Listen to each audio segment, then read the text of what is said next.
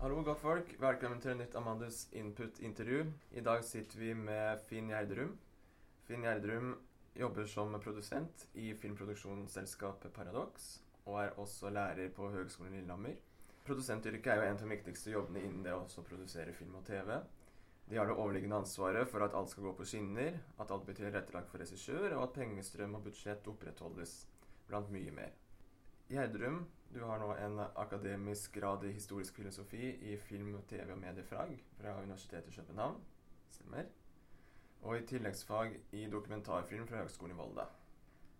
Du har jobbet som produsent og produksjonsleder for dokumentarer og kortfilmer til din filmdebut 'Eggs' i 1995.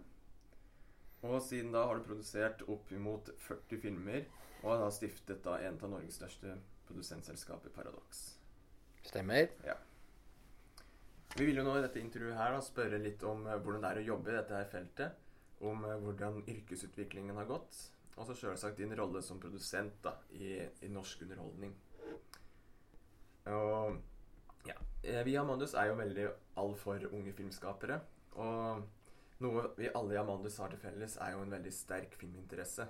Så det første vi lurer på, er jo Har du en sterk filminteresse, og kanskje når er det den på en måte startet for deg? Mm. Jo, jeg vil jo si jeg har en sterk filminteresse. Um, for ellers tror jeg ikke man kunne jobbet med dette her. Da, kunne man brukt kreftene på noe annet, og det uh, Og sine ressurser og sitt talent på noe annet. Hvis man har et talent, da. Mm. Men um, det har jeg. Og det, det startet egentlig veldig tidlig. Alt fra de første Når det ble vist uh, Tarzan-filmer på, på Verdensteatret i Sandefjord, eh, som jeg kommer fra. Der uh, var det alltid gøy å komme tidlig og stå i kø og Altså være på kino. Det var alltid fascinerende. Og så og så vokste det gradvis. Det var en gang at uh, Den norske filmfestivalen i, i, som nå er i Haugesund, da har vært i mange, mange år. Amanda-festivalen. Uh, når den var, den var en gang i Sandefjord. Og da var jeg kanskje 13 år eller 14 år. Og der, der så jeg 'Taxi Driver' for første gang. Og det var en stor, stor opplevelse for meg å se 'Taxi Driver' jeg tenkte at shit, det var en spennende film. Og så etter det så, så, tenkte jeg ikke så mye på at, kunne, at, dette var noe man kunne jobbe med, for det trodde jeg var egentlig forbeholdt veldig mange andre. Liksom ikke, noen, ikke, en, ikke en sånn Hva skal man si En uh, fra Sandefjord. Eh, der skulle man gjøre noe annet. Men så begynte jeg på Nansen-skolen på Lillehammer, og uh, der kom jeg borti et uh, der drev jeg litt med tegning og litt sånn forskjellige andre ting. Og så, og så kom jeg borti et Super 8-kamera. Uh, og sammen med en annen som gikk der, da, så, så tenkte vi shit, dette var jo kjempegøy å ha et Super 8-kamera. Tenk hva man kan gjøre med det. Og den gang så kunne man lage Så, så kunne man kjøpe sånne kassetter med, som varte tre minutter av disse Super 8-filmene. Og så og så filmet man, og så leverte man de til Foto-Olsen, og så sendte Foto-Olsen de til uh, Sveits, og så en uke etterpå så kom de tilbake og var fremkalt. Og da, da hadde vi laget våre første, første ekstremt amatøraktige, eksperimentelle filmer. Ja. Mm.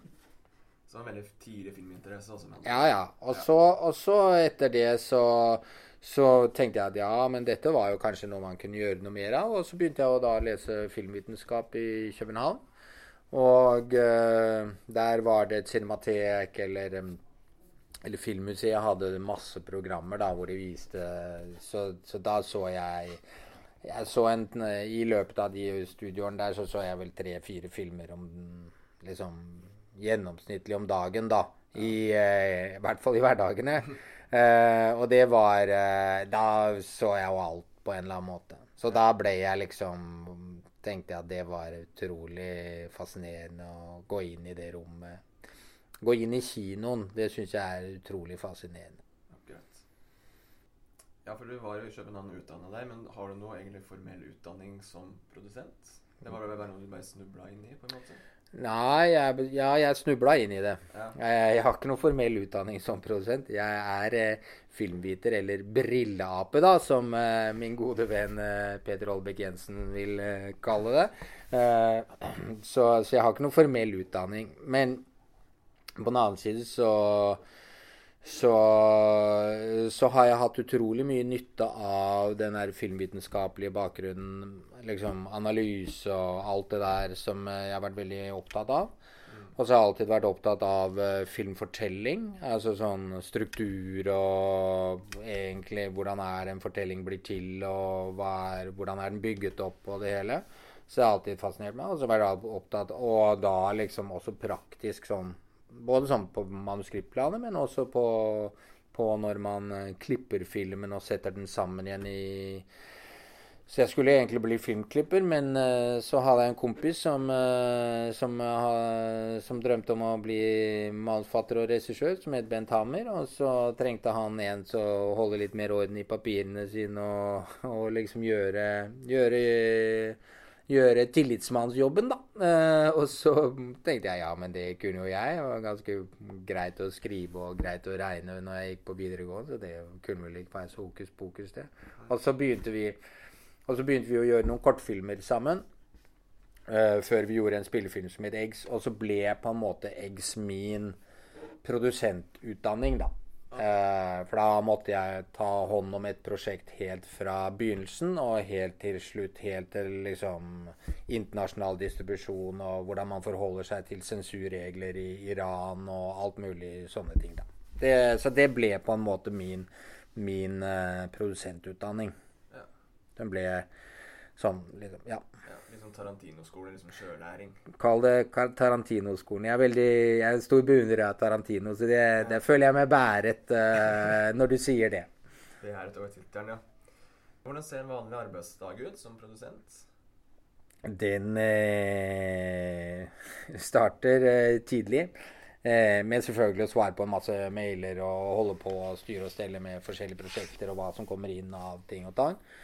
Mm kommer jo en del ideer inn. Eh, sånn liksom Og kunne ikke dere gjøre det nå? Uh, og, og, så har vi jo Og akkurat sånn som i disse tider, så har vi litt uh, forretninger eller litt business med, med, USA. Og de er jo på og LA. De er jo liksom uh, ni timer bak oss. Og der foregår det mye når vi sover. Så kommer det alltid noe frem og tilbake der. Så Så det starter med det. Og, og, så, og, så, har jeg som regel en del møter. Jeg prøver å ha en del møter med manuskriptforfattere, forskjellige eh, regissører. Liksom å se hva er det for noen talenter, eh, hva er det for noen prosjekter som er der ute. Leser eh, manuskripter som, er, eh, som jeg har satt i produksjon. Lager søknader. Eh, i det hele tatt uh, Det er ingen dag som er lik, da, på en eller annen måte. Men det er mye sånn Det er mye kontorarbeid. Det er det. Sånn under produksjon, det er ikke mye på sett og sånt da, for noe til? Eller for mulighet til? Ja, jeg har jo alltid muligheten for å være på settet. Det er veldig sjelden de ønsker at jeg er på settet. Eh, altså liksom produksjonen ønsker det, fordi at eh, en produksjon er, jeg, det er Det er liksom en maskin. Den skal gå, og den skal gå på skinner, og den skal liksom bevege seg fremover. Og i, i den eh, når den går, så er det andre som jobber mye mer. Da har vi som regel det vi kaller en line producer, som er en form for prosjektleder, som er den daglige leder av produksjonen. Det er eh, og holder liksom oversikt over planer og økonomi og sånn. Så jeg snakker jo selvfølgelig veldig mye Snakker jo alltid daglig og flere ganger om dagen sammen med, den, med denne line-produceren når vi er i produksjon. Og så snakker jeg eh, Eh, sånn hver gang når jeg er på sitt, så snakker jeg alltid med regissøren og, og liksom hører, Da er det mer sånn å høre hvordan det går. Ja. Eh, det er nok mer sånn som da, da, kan man kanskje betrakte meg mer som en, en, en uh, fotballtrener eller en manager som uh, står litt på sidelinje. Jeg kan ikke gjøre noe med det som foregår ute på banen uansett. Jeg kan kanskje si ja, men skal bytte en spiller eller to, eller gjøre noe men, men, på en eller annen måte så er det veldig lite jeg kan gjøre for om det går den ene veien eller den andre veien under opptak. da. Men så blander jeg meg mer igjen i Jeg blander meg veldig mye i, i forarbeidet. I, i, liksom inntil opptak. Og så blander jeg meg mye inn i, i klippeprosessen og etterarbeidet da, på en film. Det er der jeg føler at jeg har mest å gjøre. Mm. Et spørsmål vi fikk mye fra Amandus redaksjon, var eh, spørsmålet om eh, Ser du noen forskjell i produksjonsmidler eller produksjon innen sjangere? Uh, ja, det er jo Du kan jo si for eksempel, selvfølgelig Altså Stort episk drama, sånn uh, historisk uh, episk drama, er jo mye dyrere å lage enn uh, grøsserfilm eller en horrorfilm satt ute i villmarken. Mm. så der er det jo Det er jo veldig Det er to vel, Det er liksom to ytterkanter, da, kan du si. Og science fiction er liksom Alt hvor du må bygge og bruke mye VFX og sånn, er jo mye dyrere. Ikke nødvendigvis bedre film. Jeg har ikke sånn, Før så hadde jeg en veldig sær og smal uh, filmsmak. Men, uh, men, nå er jeg mye bredere filmsmak. Men, men, det er klart det er dyrere. Og så kan du si to mennesker som står og snakker sammen i samtid i et uh, rom, liksom sånn veldig tett lukket drama, er jo heller ikke det dyreste å lage. Men så, så, sånn er Men hvis spørsmålet handler om får man mer støtte til den ene filmen enn til den andre, så er det vel Så vil jeg jo si man mer, kan få mer støtte til en film det er jo flere, det er, det er banalt og kanskje veldig altfor generelt å si, men man får jo mer støtte til en dyrere film enn til en billigere film. da. Ja. Det er jo Hvis man kan si det på den måten. Ja. Så kanskje litt etter målgruppe òg, da? Ja, ikke nødvendigvis. Eh, det er jo I Norge så satses det jo mye på barn og unge. Så det er jo mye støttemidler tilgjengelig til barn og filmer som retter seg mot barn og unge. Men, eh, men, eh, men det er nok mer sånn Og så kan man jo se hvem er det som går mest på kino, bruker kino, bruker de audiovisuelle mediene mer òg. Det er jo også barn og unge, så selvfølgelig bør det jo liksom kanskje pekes mer i den retningen. Men det vet jeg ikke om det Der handler den Jeg opplever nok mer at vi får mer støtte til um, prosjektene, de som er litt mer kostbare, da. Okay. Vi lærte i um, film- og fjernsynsbransjen om pitch. Mm. Og vi lærte jo da at uh, en bra start på enhver produksjon er en bra pitch. Så vi lurer litt på hva, Er det noen spesielle ting du ser i en pitch? Liksom, eller en idé, eller kanskje en tanke i en pitch du hører godt etter? Ja, jeg syns jo jo det er tre viktige ting å tenke på når man skal lage en, eh, man skal lage en film Man skal lage en dramaserie. Altså en dramaserie. Det, det første er, er, jo karakterene. Har vi en interessant karakter? Har vi karakterer som er interessante i, i, i relasjon til andre? Det er liksom, fordi det aller meste vi ser på når vi ser noe, så ser vi jo på karakterer. Vi ser på mennesker. Vi ser på liksom skuespillere. Vi ser på folk som gestalter uh, karakterer, da. Fordi det er jo det vi kan på en eller annen måte kan Hva kan jeg bruke det til i mitt eget liv når jeg står overfor den uh, bjørnen som, uh, som, man alltid gjør i en eller annen film? så hva, hvordan ville jeg reagere da? Eller når jeg møter Joker da, ute på byen eller uh, i en eller annen sammenheng. Hvordan vil jeg reagere? Vil jeg være Batman, eller vil jeg være uh, en annen? Så vi ser jo alltid på på en eller annen måte karakterene. Så, så, det er det ene. Jeg synes Det er alltid liksom Det er det som jeg syns også er spennende med å jobbe med film. Det er jo egentlig å kunne jobbe med karakterer og forske i karakterer. Forske i mennesker, da. Mm. Og så er det Og så er det Selvfølgelig finnes det et plott i dette her. Er det en historie? Altså med en begynnelse, midt og en slutt. Liksom, eh, er, og da, kan, da finnes jo flere varianter på det. Finnes det en naturlig historie, eller er det liksom en mer konstruert historie? En naturlig historie vil på en måte typisk kunne defineres liksom veldig Den mest banale naturlige historien er jo liksom man står opp om morgenen og man går i seng om kvelden. Det er på en måte, det er noe som rammer inn. Liksom man kan begynne en film om morgenen, og så kan man slutte når man legger seg om kvelden. Og så er det på et, et eller annet Enten så har du et høydepunkt rundt middag, Eller du har et lavpunkt rundt middag, eller et eller annet. Altså, det, det er på en måte en veldig banal definisjon av en naturlig historie. Eller er det liksom en mer konstruert historie med, med liksom sånn en lang krimplott eller noe? Men det må være et plott, da.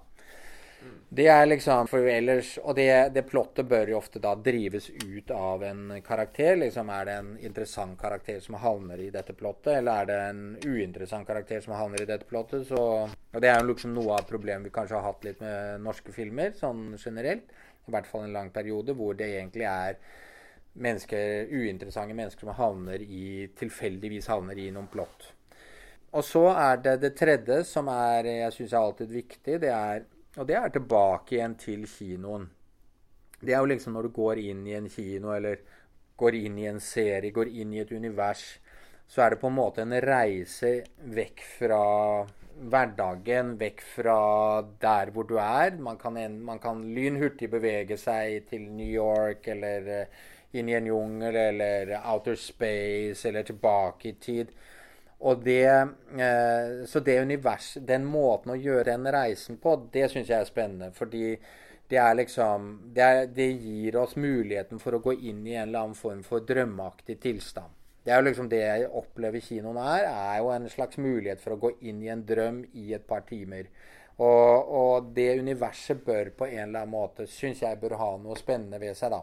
Enten at eh, de som jobber med det universet, har en inngående kjennskap til et univers. Det kan være en høyskole som uh, Høgskolen i Lillehammer, liksom, men, men, da bør man kjenne liksom, hva er det for noen krinkelkroker, hva er det for noen ting som er mystisk her, liksom, mm. som jeg ikke ser ved det blotte øyet. Sånn at jeg får på en eller annen måte en slags uh, Eller det kan være noe, det kan være noe helt annet. Så jeg, får på, jeg, jeg er opptatt av at man som publikum får en eller annen slags antropologisk reise inn i et univers som man på en eller annen måte ikke selv har eh, muligheten for å delta i. Da. Så det er karakter, univers og plott. Det er, eh, det er, liksom de tre hovedelementene jeg ser etter eh, i en pitch. Da. Veldig bra svar. Takk. Gjennom tilbake til Paradox. Du har jo jobbet med mange store regissører opp gjennom tida. IMDb-sida di. Mm. Du har det, vet du. Da der har jo bl.a. navn som eh, Bent Hammer, Erik Poppe, Hans Petter Moland, også i fjor Nils Gaup og eh, Erik Poppe, selvsagt. Eh, hvordan er det å kunne jobbe med slike navn i det norske filmlandskapet? Mm, det, er, eh, det, er, alltid interessant. Jeg tror det handler om, når man jobber med dette her, så handler det jo om litt å prøve å utfylle hverandre. Det er ingen som er gode på alt. Men vi kan sammen kan vi bli et team og bli, eh, virke som et godt team sammen. Og det handler da om at man respekterer hverandre, skjønner at uh, Og prøver å jobbe for hverandre. Jeg blir ikke en bedre produsent hvis ikke regissøren vil at jeg skal bli en bedre produsent. da. Hvis ikke regissøren utfordrer meg og, og gir meg muligheten for å løse de oppgavene som jeg blir stilt overfor. Men og regissørene blir heller ikke bedre hvis ikke jeg klarer å utfordre dem. Og jeg tror det er der eh, vi på en eller annen måte har klart å finne hverandre, da. Og, og si Jeg har klart å finne for de, flere, for de fleste av disse regissørene så har jeg klart å finne gode historier til dem. Som de har sagt Ja, men her er det fine utfordringer for meg. Og det, sånn bør det være. Så jeg leter Og jeg leter jo etter Jeg har lyst til dette er også sånne regissører som um, blir kalt for sterke regissører, da. Eller sånn, sånn Og, og, og, det syns jeg er bra, fordi de kan De har sterke meninger, sterke krav, sterke ønsker, og det bør man uh, Det utfordrer meg som produsent. Uh, og det, det, liker jeg. Og jo flere sterke produsenter vi, eller regissører vi får, jo flere sterke manusforfattere vi får, Eh, jo bedre vil eh, bransjen bli. Det, så det må være målet, å prøve å løfte alle, alle regissører eh, og talenter opp til å bli sterke fag- eller sterke profesjonelle innenfor sitt felt. Paradox var jo i fjor den store vinneren på norske kinoer. Dere slapp jo ut filmen 'Kongens nei'. Eh, hvordan er det å jobbe med denne produksjonen Hvordan var det å jobbe med denne produksjonen og så få den kjempegode tilbakemeldinga? Mm. Det takk for veldig bra spørsmål. Takk for uh, Vi solgte en, nesten én million billetter ja. i fjor på norske kinoer med 'Kongens nei' og 'Birkebeinerne'. Det var uh, Vi solgte 980 000 aktig. Ja. 85 000. Så um, så det var ergerlig ikke selge, krysse liksom den én million-grensen. Ja. Men, uh, men, men det er jo jo, 'Kongens nei' var et prosjekt som jeg tok initiativ til og startet å jobbe med i 2011. Fant prosjekt, fant manusforfatter, koblet Erik Poppe på. Utviklet det sammen, jobbet sammen med i Paradox med å finne finansieringen og, det, og, liksom, og så få det ut. Og så når det blir så godt tatt imot, så føler man jo at da har man gjort noe riktig. Man har også jo laget filmer hvor man, eh, som ikke er blitt tatt så godt imot. Og da, føler man jo, da lurer man jo på hva er det vi har gjort for noe galt, da. Jeg pleier jo alltid å si at være, når du driver et selskap, så må det alltid være en blanding av uh, suksess og uh, fiaskoer. Mm. For på en eller annen måte så, har, så er vi mennesker innredet sånn at vi lærer mer av våre fiaskoer. Fordi det er da vi lurer på hva kunne vi gjort bedre, hvorfor ble ikke det så bra som vi trodde. Alle disse tingene lurer vi jo på da. Når vi har en suksess sånn som vi har eh, for så vidt både hadde med Kongens nei og Birkebeinerne i fjor. For Birkebeinerne hadde stor internasjonal suksess. Så stiller man kanskje ikke de spørsmålene så kritisk til seg selv. Hva er det vi kan gjøre bedre? Hva er, hvor er det hvor er det neste målet? Hvordan kan, vi, hvordan kan, vi, flytte oss selv på en eller annen måte? Og Det er jo en av utfordringene vi har etter et så godt år. Det er liksom å si hvordan er det vi skal flytte oss selv, nå nye mål, sette oss nye mål, bli enda bedre, da. Ja, litt på Kongens nei at den produksjonen der Du sa liksom at du gikk og så etter målsforfattere og så etter regissører og sånt. Kunne du kanskje gå litt mer gjennom grove trekk, da, hvordan produksjonen på Kongens nei var? Jo, det kan jeg godt. Det, mm, som sagt, jeg, eh, snub, jeg, jeg, eh, hørte en anmeldelse av Alfred Jacobsens bok i 2011, var det vel.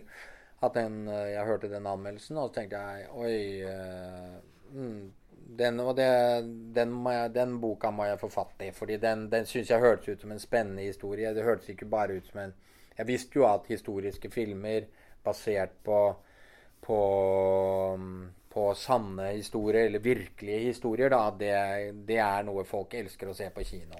Det henger nok sammen med at folk har lyst til å lære litt også når man går inn i noe. Man leser en bok eller et eller annet. Man har lyst til å lære noe, da. Og derfor så vet vi at dette, dette, dette er filmer som går bra. Tenkte jeg at ja, men ok så tenkte jeg dette er en eh, Og den er ikke bare, det er ikke bare just another uh, annen verdenskrig-historie. Jeg har faktisk noe innsikt i det kongelige også. Og liksom her, og så er det en heltehistorie. Det er liksom kong Haakon, stor helt og sånn. Og jeg hadde liksom mange av de ingrediensene som jeg tenker ja, men dette, dette kan kanskje bli til noe.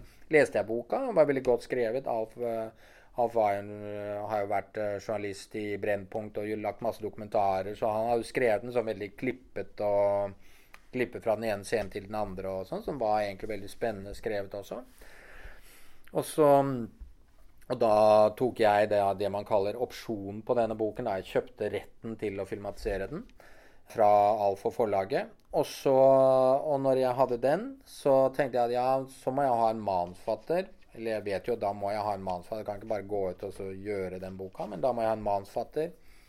Så har jeg jobbet med en manusforfatter som heter Jan Trygve Rønland. Han jobbet vi med på Paradox på andre prosjekter, og han var eh, eh, kommet ut av filmskolen og, og litt, vært litt assistent for Erik Poppe. Så tenkte jeg ja, men kanskje dette skulle være det manuset som, um, som uh, du skulle få et slags gjennombrudd på, da. Kanskje det kunne være noe. Jeg visste at prosjektet var godt. Kanskje utgangspunktet var godt. Kanskje liksom her er en mulighet for å løfte det. Og så koblet jeg ham på, og så begynte jo Jan Trygve med møysommelig å bryte ned, og vi definerte veldig tidlig Jeg definerte veldig tidlig at filmen skulle ikke handle om hele liksom, eh, liksom de to månedene før Nei. tyskerne kom, men det passet liksom å slutte med bombingen på Nybergsund. Og så, så, definerte vi det, og så begynte han å skrive. Og så skrev han, uh, skrev han noen versjoner av manus før vi begynte å fordi det liker jeg alltid. Før vi begynner å tenke på at nå må vi ha en regissør på sånn, så skriver Da er det bra å jobbe sammen, manuskriptforfatteren og produsenten. Så jobber vi sammen i et team og får litt frem og tilbake. Manuskriptforfatteren får eierskap til stoff og det hele. Og så når vi føler at nå har vi et manus, eller manusforfatteren kommer ofte til et punkt og lurer, tenker, hvor man tenker hvordan Nå trenger jeg å få litt input fra en regissør, for jeg kan skrive en scene på denne måten, eller jeg kan skrive en scene på denne måten. Det kommer litt avhengig av temperamentet til regissøren. Og da er det naturlig at man kobler på en regissør. Og så tenkte jeg, da jeg, jeg har jo jobbet med Erik i lage, produsert alle hans filmer, så jeg tenkte at mm, dette her er en veldig annerledes film for deg å gjøre, Erik. Den er ikke liksom ut av ditt eget bryst, det er ikke basert på dine egne opplevelser og sånn, men det er liksom noe som er, er basert på noe annet, så du må Den vil utfordre deg som regissør, pluss det at det, dette er kanskje en av de andre filmene til Erik hadde da den som hadde solgt mest, den hadde solgt 170 000 billetter. Dette er kanskje en film som kan selge 500 000 billetter. Lager, Det er stor forskjell på å lage en film som selger 100, 170 eller 100 000 til 500, fordi plutselig så snakker du til, helt, til hele folket på en eller annen måte. da. Ikke bare den lille gruppen som er opptatt av de filmene og opptatt av deg, men du snakker til hele folket. Og det er det er en opp, annen opplevelse for et menneske og for en, for en regissør eller for et talent å måtte forholde seg til det.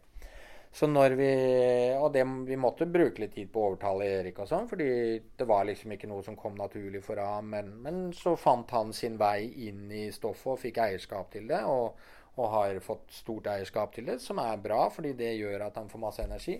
Når vi hadde manus, og jeg hadde Erik som regissør, så visste vi var Erik ganske tidlig bestemt på at han ville ha Jesper Christensen som, til å spille hovedrollen. Det, og det kunne jeg ikke si. Jeg mente også at det var helt riktig at det var Jesper, fordi jeg kjente Jesper litt fra før. Jeg hadde sett han i, i en del av Per Flys filmer og, og sånn, så jeg kjente, jeg kjente, Jesper også fra at jeg hadde studert i Danmark, da, så jeg kjente liksom til han. Så, så jeg visste at eh, jo, vi, han er riktig. Og, så, og da, da, hadde vi jo liksom Da hadde vi, jo, da hadde vi et manus som, uh, som, var godt. Det var ikke ferdig, men det var godt. Det var liksom uh, Og vi hadde en film som uh, som distributøren Oi, den vil vi gjerne se. Den tror vi, den tror vi kan selge mange billetter på kino. Vi hadde, vi hadde en regissør som, som er liksom definert som et talent.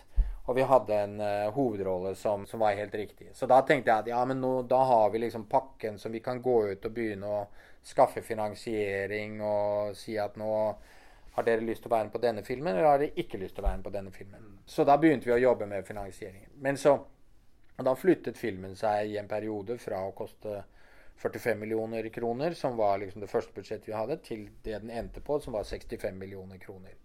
Og det var litt sånn forskjellige liksom når man går dypere og dypere ned i den materien, så blir det dyrere.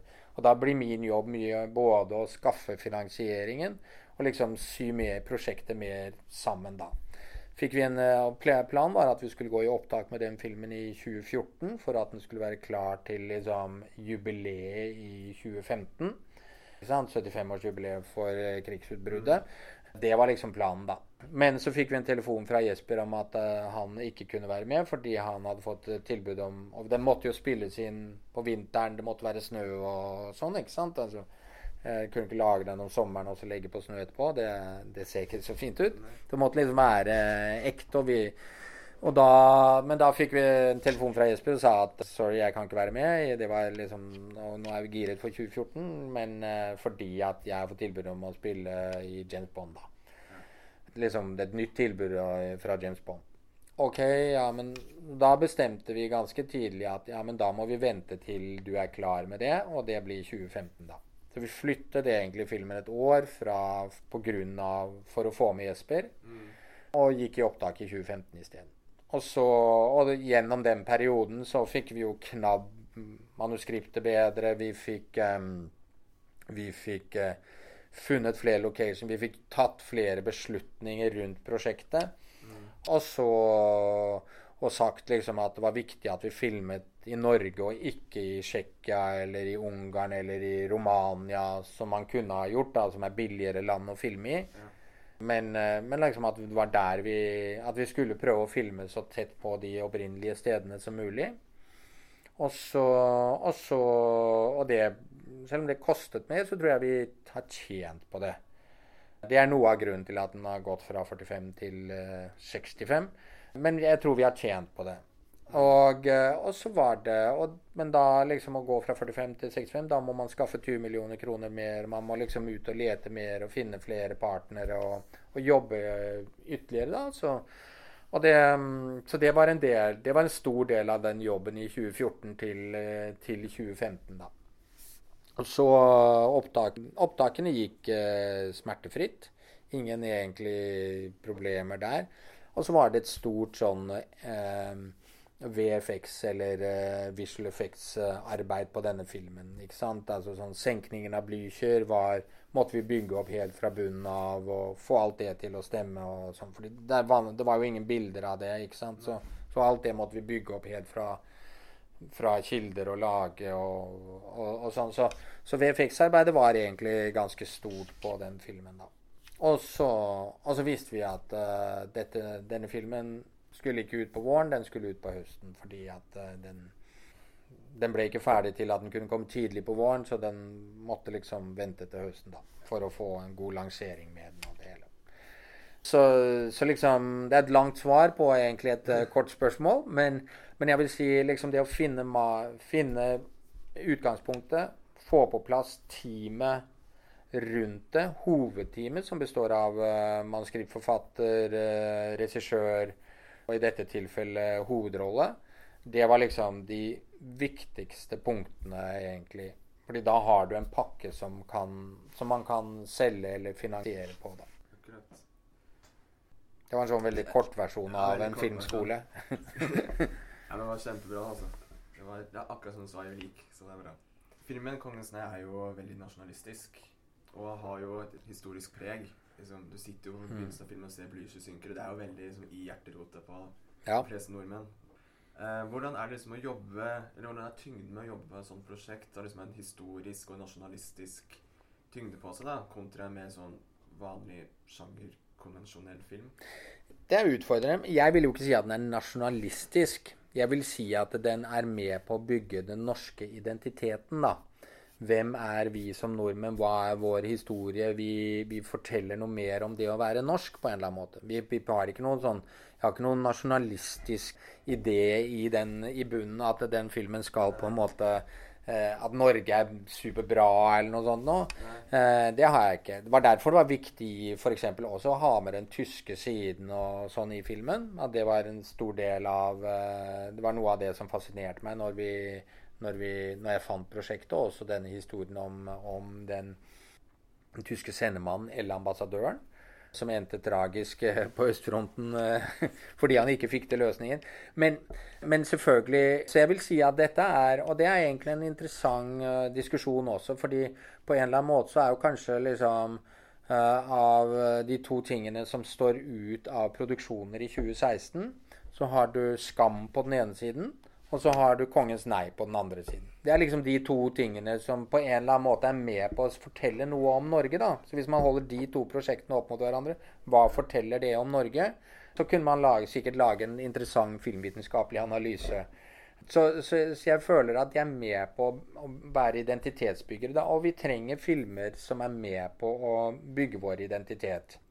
Fordi vi er de eneste som kan bygge vår identitet. Vi trenger, altså liksom, det, ingen, det, jo, det lages jo aldri noen engelske filmer som handler om uh, Norges identitet.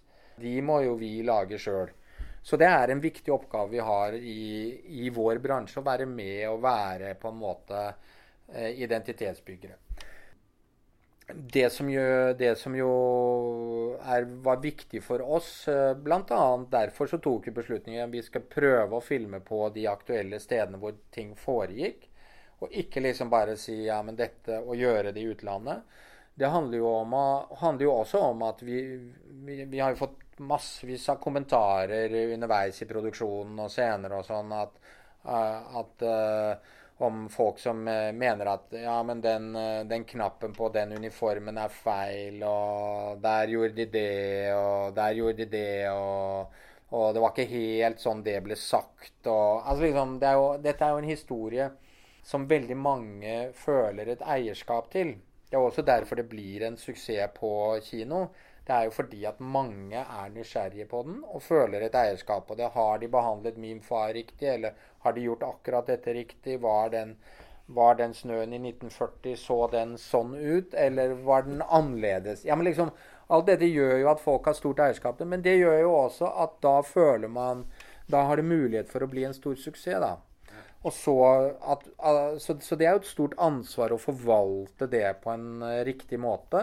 Og, og, det har vi lært mye av. Eh, det gjør oss ydmyke for den store oppgaven, liksom. Men, men, det gjør oss også nysgjerrige på å gå løs på lignende store oppgaver. Da, og si hvordan kan vi forvalte andre hva skal man si, offentlige sannheter, eller noe som vi alle sammen har et eller annet slags stort eierskap til. Da. Så det syns jeg oss, oss som fortellere og på en måte identitetsforvaltere, da, hvis man kan kalle oss det, så er, det er jo det et stort ansvar. Og det, det syns jeg vi skal være veldig ydmyke overfor, da. Men liksom forskjell da, fra et sånn historisk perspektiv og mer sånn sjanger ja og, ja, og du kan jo si at um, Lager man en ren entertainment med noen, uh, noen Lager man en horrorfilm, da, mm. så kan du si Uh, det, jeg syns det er superspennende med horrorfilm, men, men, liksom hvor det plutselig dukker opp noe overnaturlig. Liksom, Å ja, men nå, det, nå, har vi bygd opp spenning, spenning, spenning nok, og så vet vi ikke helt hvordan vi skal komme ut av den spenningen. La oss lage noe overnaturlig i tredje akt, da. Som kommer og redder og løser alt på en eller annen måte. Så, så gir jo ikke det Så lager du et annet bånd med publikum. Og der tror jeg jo at du forvalter også et ansvar, og du forvalter også en kontrakt med et publikum. Men du har selvfølgelig ikke så mange som sier ja, men det der foregikk ikke på den måten. Eller da sier man ja, men det overnaturlige finnes ikke. Men hvis man kunne løse det på en eller annen måte litt annerledes, sånn at jo mer sannsynlig at det finnes, mm. jo sterkere kan jo den kontrakten bli. Og jo mer, jo mer vil Jo større diskusjon vil jo også bli blant de som føler et eierskap til en sånn historie, da, og si jo, men det er faktisk mulig, og dette vil jeg engasjere meg i, og dette tror jeg faktisk er riktig, ikke sant. Altså, Lager man en film om et snøskred, så vil jo, vil jo skredeksperter si at nei, det løser seg ikke på den måten, det, det er helt usannsynlig. Lager man om Lager man en film som 'Bølgen', så vil du jo alltid få noen som mener at nei, det der eh, raset der vil ikke kunne skje. Men da har man jo laget en kontrakt og sier at historisk sett så har det skjedd uh, tidligere. Så, så, sånn kan det kan skje. Men det vil alltid være noen som alltid, jo, jo større eierskap flere har til en fortelling, og så kan du si sjanger er fordi da har du mer spenning, da har du mer det er mer, det er mer entertainment på mange måter jo flere føler at de skal bli underholdt også. Men, men, jeg tror man alltid Skal man lage en film for et stor Har man ambisjon om å prøve å lage, fortelle en historie til mange, til et stort publikum, så, ha, så, bør man ha en ydmykhet i forhold til å forvalte deres hva skal man si, eierskap og identitet knyttet til uh, fortellingen. da. Ja. Litt over på en annen. Uh, vi leste en artikkel fra 2014. Det begynner å bli noen år siden. Da, men eh, fra Aftenposten, der det sto at Paradox var den største filmproduksjonsselskapet da, i Norge. Ja. Det var da blant uh, Støttekongene? Støttekongene, rett og slett. og vi, vi, bare lurte liksom for um, litt sånn smått sånn Er det noen i samme posisjon i dag, eller har det forandret seg litt? Er det på haugen? Nei, jeg opplever at det er andre selskaper som har uh, kommet forbi oss og fått mer støtte av oss uh, enn en oss f.eks. Motlys, vil jeg påstå har fått mer uh, offentlig støtte enn en det vi har fått, da. Og, og, det er ikke noe sånn Altså, jeg vil, jeg vil gjerne være støttekongen. Jeg syns jo hva det, det, handler noe om hva er det man bruker de støttemidlene til. Er, hvordan forvalter man de? Hva er det man gjør med de pengene? Man, lager man filmer som blir sett av mange mennesker, eller lager man filmer som blir sett av få mennesker? Mm.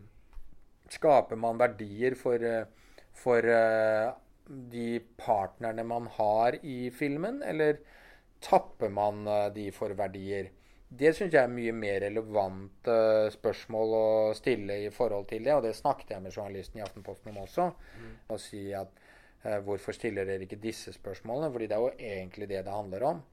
Og de fleste av våre filmer var jo da, når, når den oversikten ble laget de var, laget, de var, jo støttet gjennom den såkalte markedsstøtten. Som betyr at vi har skaffet uh, minimum 50% av filmens budsjett, produksjonsbudsjett. Mm utenfor uh, Filminstituttet, da. For den egenkapitalen, altså det må sjøl uh, finne mm. fram, liksom, ja. må spytte inn. Hvordan er det liksom Åssen er det egentlig å sitte med et prosjekt og liksom ikke helt vite hvordan egenkapitalen din kan gå? Være liksom i den uvissheten om det? Det er, eh, det er, jo en del av det som er det spennende. Ja. Det er jo det som er en stor forskjell når man tenker på Som er en forskjell å lage en film som 'Kongens nei' og lage 'Skam'. Skam er en kjempestor suksess, definert som en kjempestor suksess. Mm. Men hvis man ser på tallene bak Skam, så har NRK ikke tjent noen penger på Skam ennå. Man kan si hvorfor, uh, hvor, hvordan skal NRK tjene penger på det? Jo, men det er, det er, jo fordi de kan selge det ute og selge det internasjonalt og skaffe flere penger til det da. NRK har jo mulighet for å lage et sånt prosjekt uten å måtte tenke på at de skal skaffe noen egenkapital. Når vi skal lage en, en, et sånt prosjekt, så må vi skaffe egenkapital.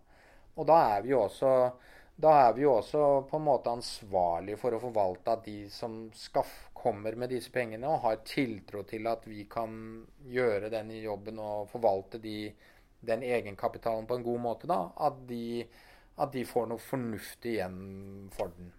Og det er eh, Det, det syns jeg er uh, Igjen, det, det handler om å være ydmyk i forhold til det, og det handler om å si at hvis ikke jeg klarer å gjøre det Hvis jeg alltid prøver å lure noen på den egenkapitalen, så vil jeg ikke få de med neste gang.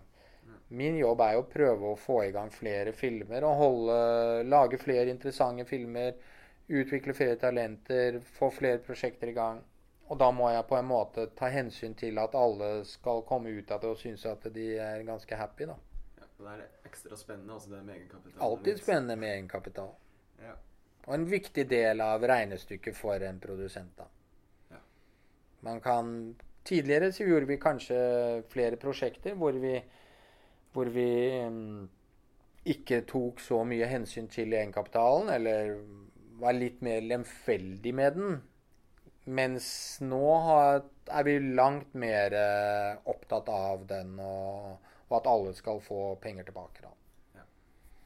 Det er jo bra. Ja, altså, det betyr jo at vi har utviklet oss noe. Og, vi, og, jeg synes vi både, og det har gjort til at vi har laget bedre filmer òg, syns jeg. da. Mm. Det er jo helt klart. De siste ti årene har jo DVD-salget stupt, og nye medieplattformer truer jo nå den si, gammeldagse måten å se på film, da, med kino og kjøpe. Mm. Eh, hvordan er det liksom eh, å være produsent i dette markedet? Påvirker dette deg på noen måte? eller noe? Ja, det gjør jo det. fordi at nå er det jo ikke første gang at ting snur. Nei. Dette er en bransje hvor det alltid, det har alltid endret seg, da.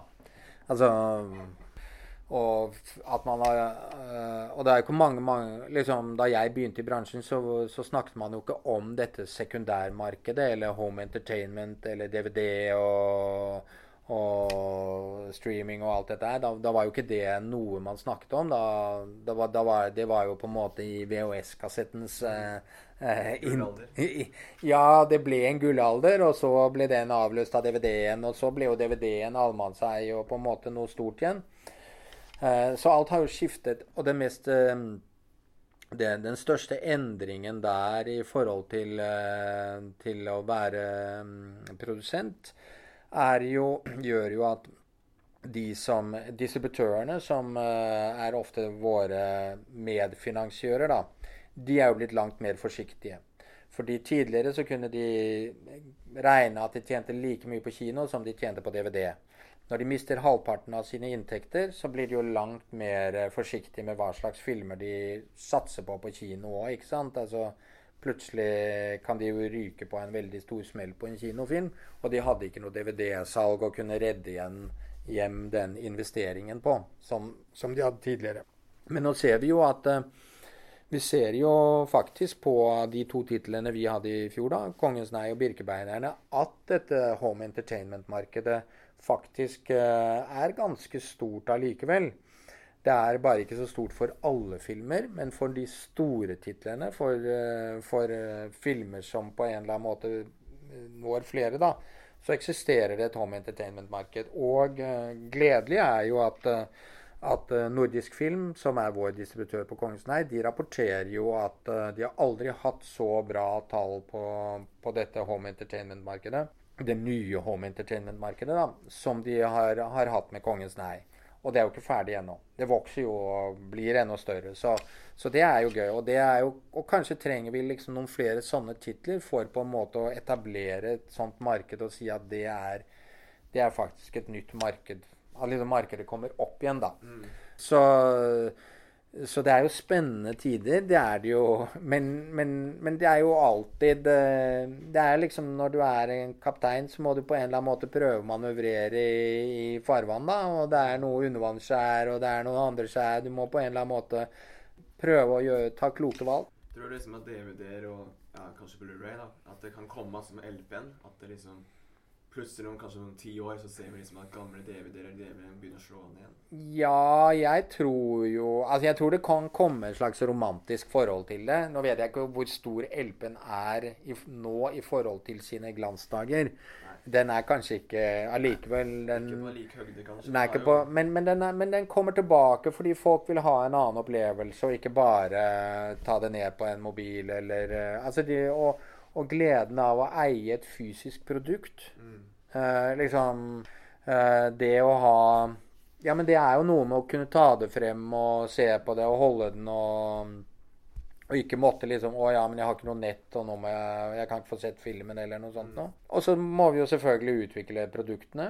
Men boken er jo ikke død, liksom. Altså, selv om du kan lese bøker av alle mulige andre steder. Men liksom det å sitte med en fysisk bok er liksom uh, Litt sjarmerende i seg sjøl? Ja.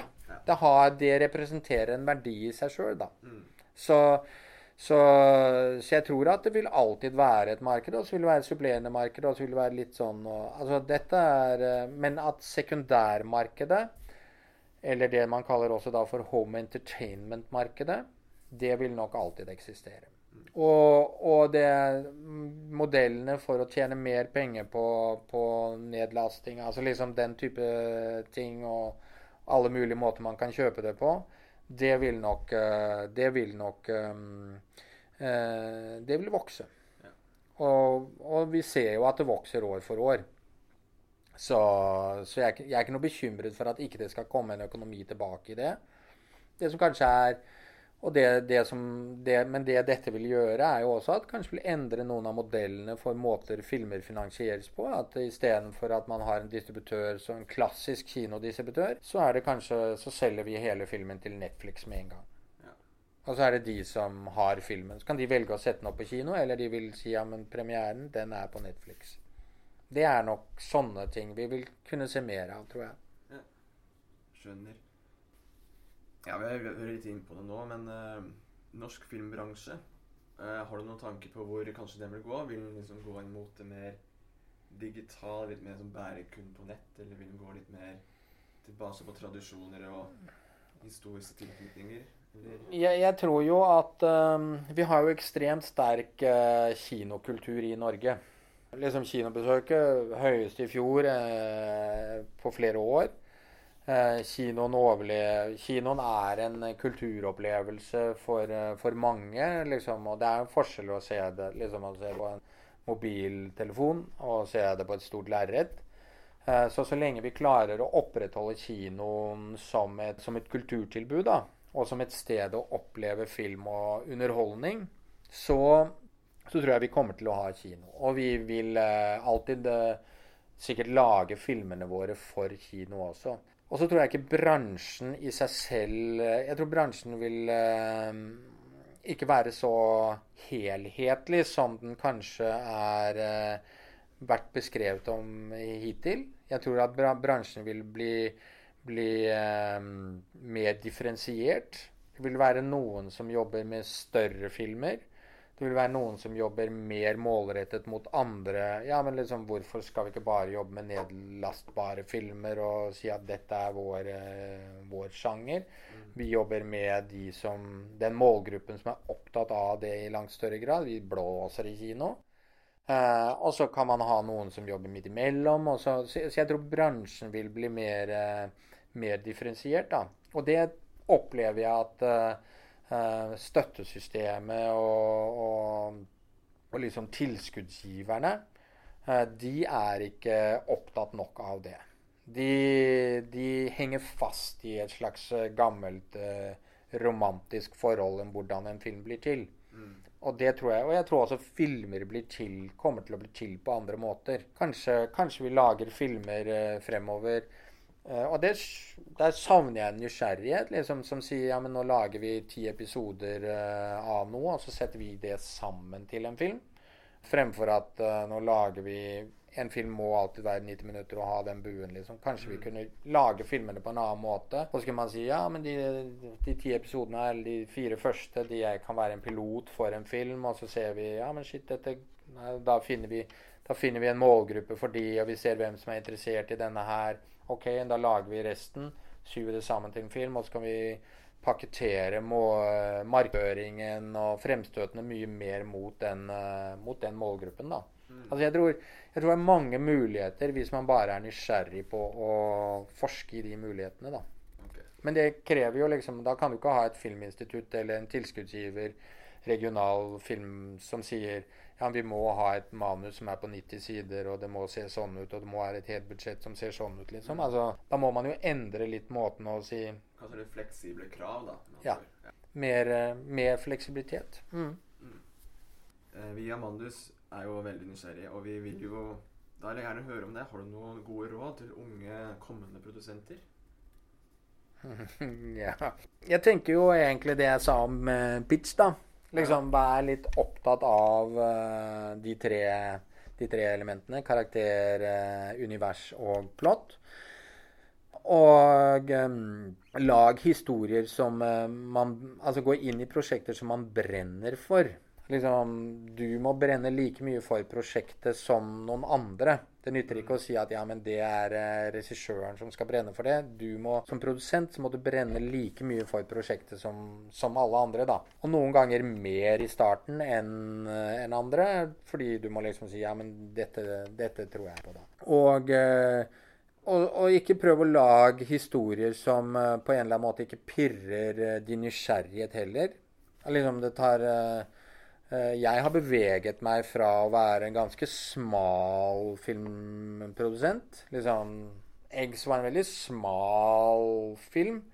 Til eh, 'Kongens nei', som er en mye bredere film, og liksom Knerten-filmer og sånn. Eh, og det henger Så, så, så ikke liksom prøv, ikke prøv å stivne i en måte å liksom, det er bare én type film som er riktig på en eller annen måte. Det er masse Det er mange mennesker der ute, og alle krever på en måte et uh, tilbud. da. Og du kan på en eller annen måte ha din samme drivkraft Jeg kan ha den samme nysgjerrighet i en Knerten-film som jeg kan ha i en uh, Kraftidioten eller en, uh, en, film om krigen. Altså liksom det, Den nysgjerrigheten kan jeg, bør jeg ha nysgjerrigheten på karakterene bør være det samme. da. Så, så husk at uh, at vi lager historier for mennesker, da. Uh, ja, men liksom, det er jo de som Det er jo derfor vi forteller det. Det er jo bare en, det er bare en gammel sånn campfire-tradisjon vi har flyttet videre på en eller annen måte. Det er campfire å fortelle historier. Jeg har ikke så mange andre råd enn det. Og så er det og så vil jeg si, som jeg hadde en, eh, en, god, eh, en annen god produsentvenn som jeg møtte tidlig i min karriere, som het Jim Stark. Han sa at um, det er um, Da han jobbet i New York, da, han sa du kan lage, I New York så kunne du lage en spillefilm på to helger hvis, med to kredittkort. Liksom, du hadde to kredittkort som finansierte det, og så hadde du noen venner som Og så skjøt, man en film på en hel weekend eller på to weekender. Det går an å Man behøver ikke å tenke stort. Man kan lage filmer på, på, på enkle midler. Eggs, var en veldig, Eggs kostet uh, en femtendedel av uh, Kongens nei. Okay. Så, så liksom uh, Og det var to spillefilmer, begge to. Så, så det er ikke sånn at det ikke, Du må ikke ha store budsjetter eller store Det er mange måter å gå løs på ting. Hvis Lidenskap liksom alt. ja, på en eller annen måte så er det det. Og noen venner eh, Det hjelper å være i et lag, da. At man er noen venner sammen som har lyst til å lage noe. Ja, nå har vi dvela litt på eggs og litt, men vi lurte på, har du noen kommende filmprosjekter du kanskje vil kaste noe lys på eller nevne for oss? Mm. Ja, altså vi har jo en Knerten-film. Vi har alltid en Knerten-film i, i Kjemda. Og det, og det er fordi at de er em, Jeg føler ikke at det universet Vi er ikke ferdig med det. Så vi driver og nå, og nå har vi på en eller annen måte fått tilgang fra, fra eh, arvtakeren til Anne-Cath. Vestli og forske videre i karakteren eller figuren Knerten, da. Så vi bør ikke bare forholde oss til bøkene, men vi kan bevege oss fritt. Så nå kan vi gå liksom ut i universet. Så nå har vi jo tre Knerten-filmer. Vi prøver å lage triologier, da.